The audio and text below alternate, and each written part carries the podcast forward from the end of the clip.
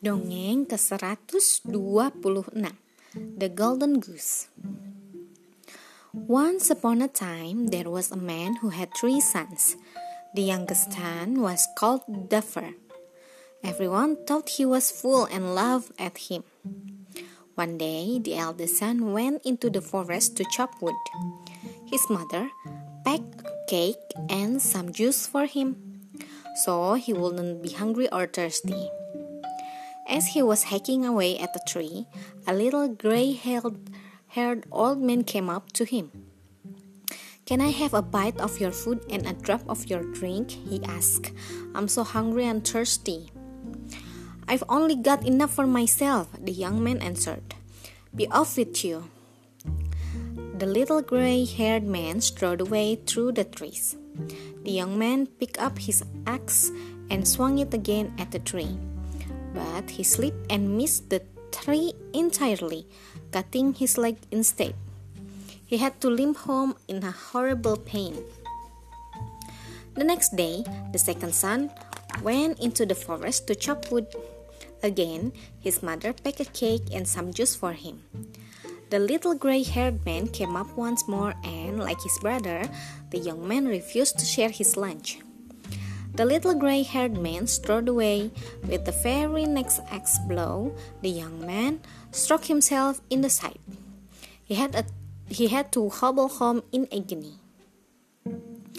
On the third day, Duffer went into the forest to chop wood. His mother sent him off with only some dry biscuits and water. He was hacking away at the tree when the little gray haired man came up and asked him for food and drink. I don't have anything very much, said Duffer, but I will happily share it with you. So they sat down, and when Duffer pulled out his biscuits, they had turned into cake, and his water had become juice. So the two ate and drank quite happily together. When they had both enough, when they have both eaten enough, the little man said, Since you have a good heart, I will give you good luck. Chop down that old tree over there, and you will find something precious at the roots.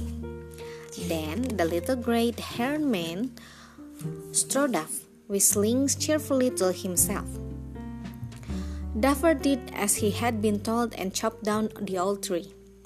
To his great surprise, there was a goose sitting in the roots. But it was no ordinary bird, for its feathers were made of pure gold. He picked her up carefully and went off to an inn where, where he thought he would stay the night. Now, the innkeeper had three daughters who couldn't believe their eyes when they saw the golden goose under Duffer's arm. They all wanted a closer look. That night, the eldest waited till everyone was sleeping then crept into Duffer's room. She tiptoed over the golden goose and stroked the wing, thinking she might pull out a golden feather for herself. But her hand stuck fast. No matter how much she pulled, she couldn't let go. Not long afterwards, the second girl came creeping in. She too wanted a golden feather and reached out to stroke the golden goose. But before her sister could say, Don't touch it, she was too was stuck fast. Then the third girl came, and the others hissed, Keep away for goodness sake! But she wasn't listening. She was too dazzled by the golden goose. She reached out to take a feather, and there she was, stuck fast too. All three sisters had to spend the night with the goose. In the morning, Duffer woke up, picked up the bird, and strolled out with it not the slightest bit worried about the three girls hanging on to it. They were forced to run after him wherever he went. In the middle of the in the middle of the fields, they met a vicar who said, Young ladies, it's not proper behavior to run after a young man like that. Stop it at once. He grabbed the youngest girl's hand to pull her away, but as soon as he touched her, he was stuck fast too. Duffer walked on with the three girls and the vicar trailing behind him. Before long, before long, a farmer came by. He was amazed at the sight and said, "Good morning, vicar.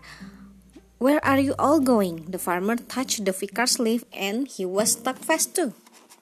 Duffer walked on with the three girls, the vicar, and the farmer trotting along behind him.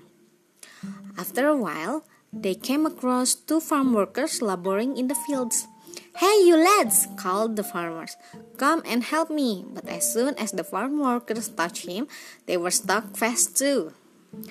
Now, there were seven people running behind Duffer and the goose the three girls, the vicar, the farmers, and the two farm hands.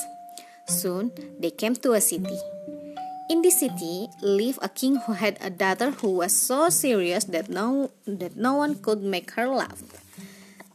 Announced that whoever could cheer, her, cheer up his daughter and make her giggle could marry her. Of course, the minute the princess saw Duffer and his golden goose walking past her window with the girls and the vicar and the farmer and the farm hands stuck fast behind them, she chuckled and chortled and brushed out laughing until tears until tears ran from her eyes. The king couldn't believe his ears. He was delighted that his daughter had love at, at last. But he didn't want her to marry Duffer.